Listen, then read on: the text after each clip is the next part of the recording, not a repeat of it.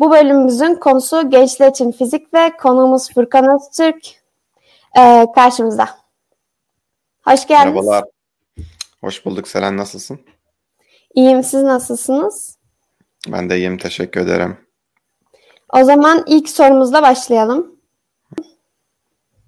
Furkan Öztürk'ün hikayesinden bizlere kısaca bahsedebilir misiniz? Okey. Um, çok uzun bir hikaye değil. 24 yaşındayım. Liseyi Trabzon'da Yomra Fen Lisesi'nde okudum. Sonrasında Bilkent'te fizik bölümüne girdim. Hı hı. Bilkent fizik bölümünü uh, bitirdim. Ve şimdi Harvard'da atomik fizik üzerine doktora yapıyorum. Tamamdır. Teşekkürler. O zaman ikinci sorumuzla devam edelim. Eğer fizik 101 dersek bizlere kısaca nelerden bahsedebilirsiniz? Ha, yani çok kolay bir soru değil tabii bu. Ya fizik 101'den kastınız şey herhalde. Fiziğin temelleriyle ilgili olarak Aynen. ne bilmek gerekiyor diye. Yani fizik çok geniş bir şekilde evreni inceleyen bir bilim dalı. Yani galaksilerden tutun işte atom altı parçacıklara kadar maddenin ve enerjinin etkileşimlerini fizik inceliyor. Ee, ancak genel manada bir fikir sahibi olmak için öncelikle işte Newton'un mekanik yasalarını, gravitasyonunu ve e, optik kurallarını bilmek gerekiyor. İşte sonrasında klasik elektromagnetizma fiziği anlamak için çok önemli. Ve sonrasında işte modern fizik başlıyor. Kuantum mekaniği, özel ve genel görelilik ve sonrasında kuantum kuantum alan kuramı ve standart modelle günümüze kadar geliyoruz. Um, fiziği çok geniş manada anlamak ve her alanında uzman uzman olmak hiç kolay bir şey değil ki bence mümkün de değil. Çünkü çok özelleşti artık fizik. Ancak genel olarak bunları sayabilirim. Tamamdır. Teşekkürler. Diğer sorumuza geçelim. Fizik bölümünün iş imkanları nasıl? Yani bu sizin neyi sizin kendinizi nasıl geliştirdiğinizle alakalı. Fizik bölümünün iş imkanı diye bir şeyin ben olduğunu zannetmiyorum. Diğer bölümlerin iş imkanı olmadığı gibi.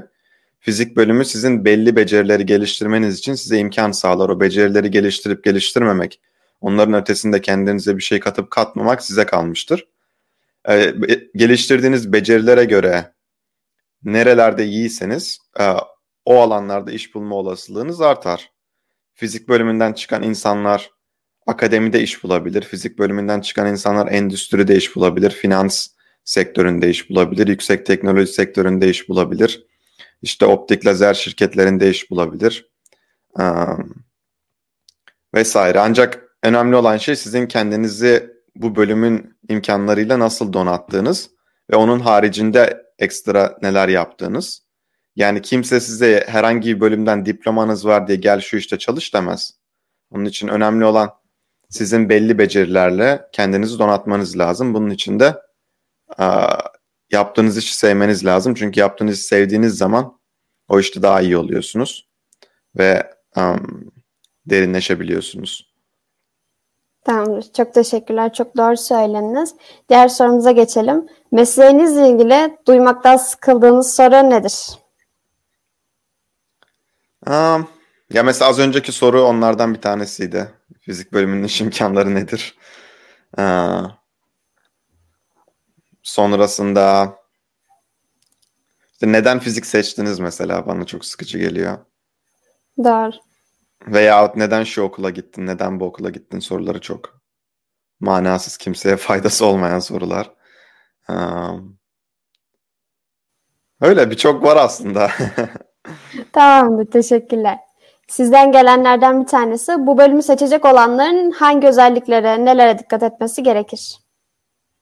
Aha. Um, bu güzel bir soru. Yani öncelikle bu işi sevip sevmediğinizi e, anlamanız lazım. Bu da ancak vakit geçirerek haşır neşir olarak oluyor uzun süreler boyunca. Yani uzaktan sevmek pek mümkün olmuyor genelde bu tarz şeylerde. gerçekten haşır neşir olmanız lazım. Günlerinizi belli konular üzerinde geçirmeniz lazım. Yani ben birçok özellik sayabilirim ancak elbette yani yapacağınız işi seviyor ve çok tutkulu oluyor olmanız lazım o işle uğraşırken. Çok sabırlı olmanız lazım. Disiplinli olmanız lazım. Bunlar daha genel şeylerdi. Onun dışında işte meraklı olmanız lazım. Yani evreni, doğayı anlamak için meraklı olmanız lazım. Sizin tabiattaki olan düzene, tabiattaki olan işleyişe karşı bir anlama merakınız olması lazım. Ve bu konularda çok tutkulu bir şekilde araştırma yapma için bir motivasyona sahip olmanız lazım. E, teknik şeylerden az çok hoşlanıyor olmanız faydalıdır. Yani bu işte design olabilir, kodlama olabilir, ne bileyim bir şeyin hani machining'i olabilir, bir şeyi alıp onu inşa etmek olabilir. Um, işte astronomiyle ilgilenmek olabilir vesaire gibi bu tarz şeylere ilginiz varsa bunlar avantajdır. Çünkü bunların üstüne gidersiniz. Oralarda kendinizi geliştirebilirsiniz. Yani hmm, genel olarak bakmak gerekirse tutkulu olmanız lazım ve tutkularınızın üstüne gidebilecek sabra ve kararlılığa sahip olmanız lazım. Bir de çok önemli şeylerden bir tanesi bu yine fizik için de söylenir ama diğer her şey için de geçerlidir. Yani kendinizi geliştirmek için e, bir hedefiniz olması lazım ve bu hedefinizin peşinde yılmadan ilerlemeniz lazım. Çünkü ne yaparsanız yapın eğer zor ve kıymetli bir şeyle uğraşıyorsanız mutlaka karşınıza birçok zorluk çıkacaktır. Aşamayacağınızı düşündüğünüz birçok şeyle karşılaşacaksınızdır. Bu aşamalardan kendinizi nasıl taşıdığınız sizin kariyerinizi etkileyecektir. Sizin geleceğinizi de etkileyecektir. Bu tarz durumlarda çok dayanıklı da olmak lazım. Tamamdır. Teşekkürler. Diğer sorumuza geçelim. Mesleğinizle ilgili en komik anınızı bizlere anlatabilir misiniz? Mesleğimle ilgili en komik anım. Açıkçası şu an aklıma bir şey gelmiyor. Yani birçok yaşadığım komik şey var ama en komik anı diyebileceğim açıkçası aklıma gelmiyor. Aklınıza gelen komik anlardan bir iki tanesini anlatabilirsiniz o zaman.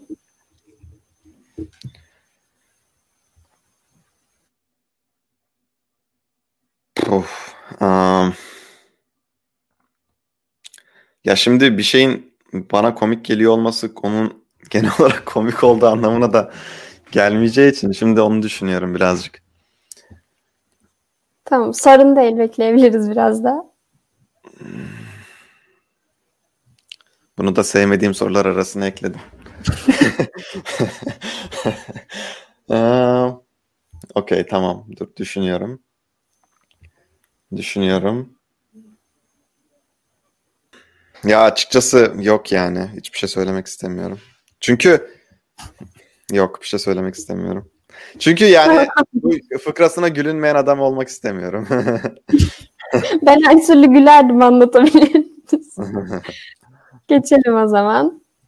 Sizden gelenlerden bu bölümde kendimizi okul dışında nasıl geliştirebiliriz?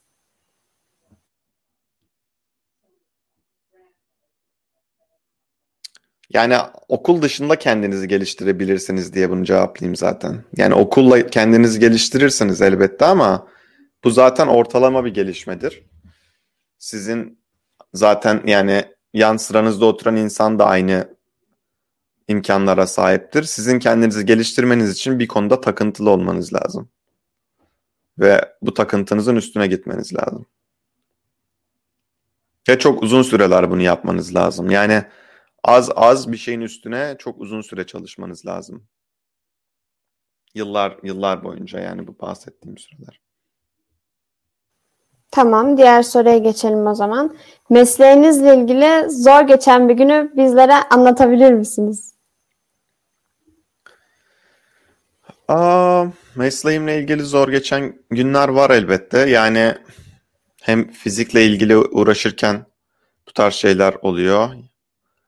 Um, ya bu tarz en komik, en zor gibi şeyler hiçbir zaman yoktur yani. Bunlar tamamen sizin hafızanıza ne kadar bunu geçirebildiğinizle ilgili bir şey.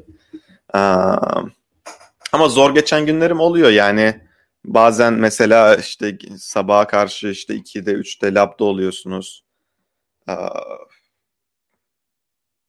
İşler yolunda gitmiyor. Sonrasında yolunda gitmeyen şeyi düzeltmek için bir şey yapıyorsunuz. Daha da kötü oluyor falan. Sonra bir şey daha yapıyorsunuz. Labda çok pahalı bir ekipman kırılıyor falan. Sonra sabah hani yatağa giderken bile artık uyuyamayacaksınız. Çünkü sabah kalktığınızda karşınızda önceki güne kıyasla çok daha büyük bir problem var falan. Bu tarz günlerim çok oldu yani. Evet. Tamamdır. Diğer soruya geçebiliriz. Çok pahalı Sizden bir gelenler... kırdım mesela. O da hem komik hikayeye bir örnek olabilir hem de zor evet, şeye. Anlatabilirsiniz. Aa, şöyle olmuştu. Aa, işte yaklaşık 80 bin dolarlık falan bir lazer bu. Hani o sırada labda kullanmayacak olmamız tek büyük şansımdı sanırım. Ama bu benim testini yapmak istediğim bir deney düzeneyinde kullanıyordum. Ve a, bana vermişlerdi işte o lazeri. Ancak şunu söylememişlerdi. O lazeri kapatmamak gerekiyordu. Çünkü lazerleri kapattığınız zaman onun içinde bir sistem var. Siz onu kapattığınız zaman o kendini aslında yavaşça kapatır.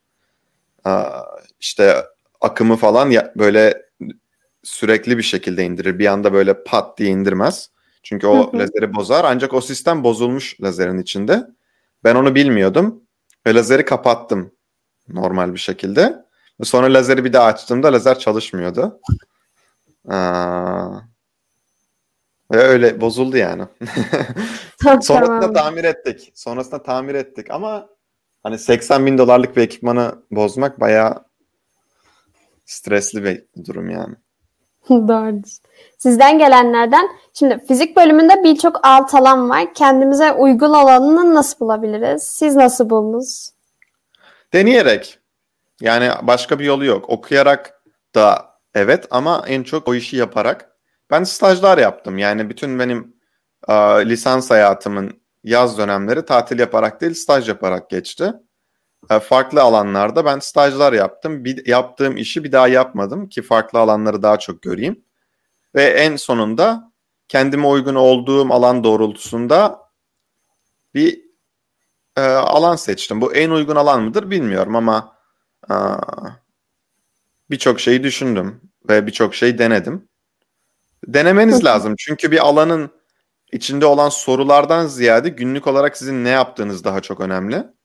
Yani siz astrofizikle uğraşıyor ve kara deliklerle ilgili bir soruyu cevaplıyor olabilirsiniz. Cevaplamak istiyor olabilirsiniz. Ancak bu alanda doktora yaparsanız sizin 6 seneniz bilgisayar kodu yazarak büyük ölçüde geçecek. Eğer buna hazır değilseniz veya bu sizi o kadar motive etmiyorsa o zaman o büyük sorunun aslında çok ilgi çekici olması da pek önemsiz kalabiliyor. Onun için hem alanın hedeflediği, cevaplamayı hedeflediği soruları beğenmeniz ve gerekli ve önemli bulmanız lazım. Hem de günlük olarak bu soruları cevaplamak için e, yapacağınız şeyleri, becerileri, işte günlük uğraştığınız şeyleri seviyor olmanız lazım. Tamamdır. Hı hı. Bizlere mesleğinizle ilgili ufku iki katına çıkarabilen bir bilgi verebilir misiniz? Mesleğimle ilgili ufku iki katına çıkan bir bilgi. Keşke soruları önceden alsaydım. um, Kısa, basit, etkili bir bilgi. Okey, okey, okey. Bunu, bunu cevaplayabilirim. Birkaç şey düşüneyim. Tamam. Hmm. Mesela bana her zaman şaşırtıcı gelen şeylerden bir tanesi kendi alanımla direkt ilgili. Klasik bir parçacığı soğuttuğunuz zaman o parçacığın yavaş yavaş daha kuantum mekaniksel davranması. Gayet ilginç bir şey bence. Çünkü evet. parçacıkla, parçacıklara ait kuantum mekaniksel olduğunu ifade eden bir dalga boyu vardır. Bu bir parçacığın dalga boyuyla bir dalga olarak ne kadar ifade edilebileceğini gösterir fizikte duyanlar vardır. Dalga parçacık ikiliği diye bir konsept vardır. Bu dalga parçacık ikiliği içinde. Birazcık kısaca dal- bahsedebilir misiniz ondan? Yani Tabii eğer ki. kısaca bahsedebilirseniz. Hı hı. Yani e, kuantum fiziğinde şöyle bir özellik var. Siz bir parçacığı hem dalga olarak hem de parçacık olarak düşünebiliyorsunuz. Ve Hı hı. e, kuantum mekaniksel kuralların işleyişine e, işleyişini tasvir eden Schrödinger denklemi aslında bir dalganın nasıl ilerlediğini, nasıl evrildiğini anlatan bir denklem.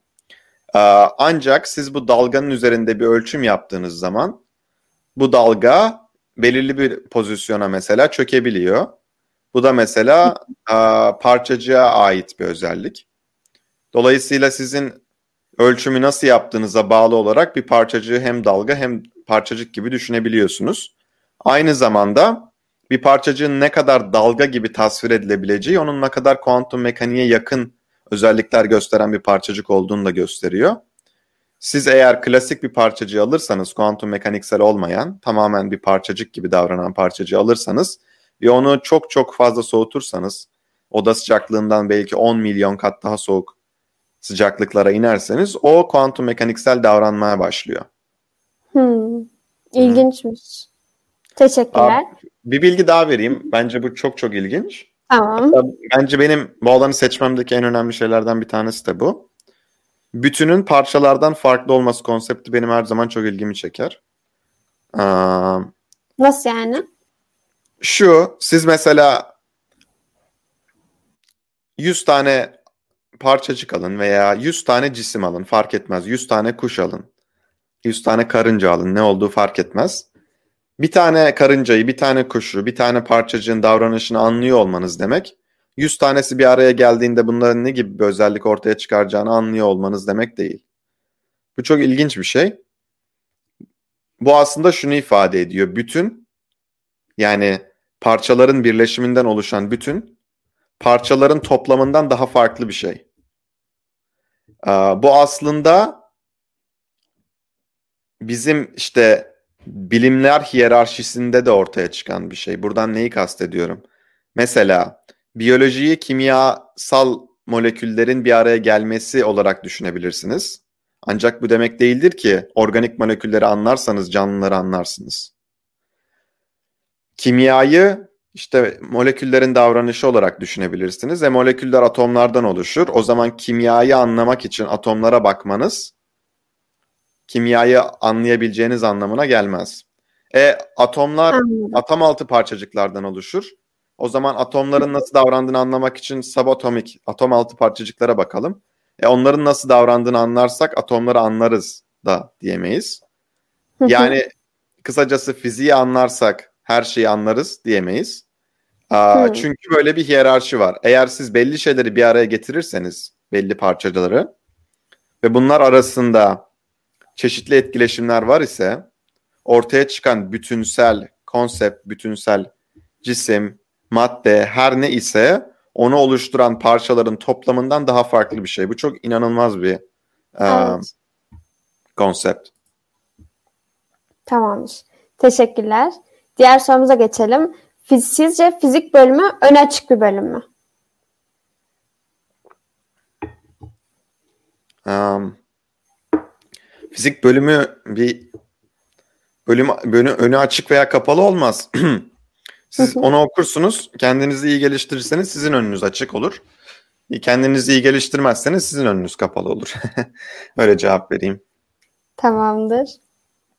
Ders, diğer soruya geçelim. Mesleğinizin şu an trend topiği nedir?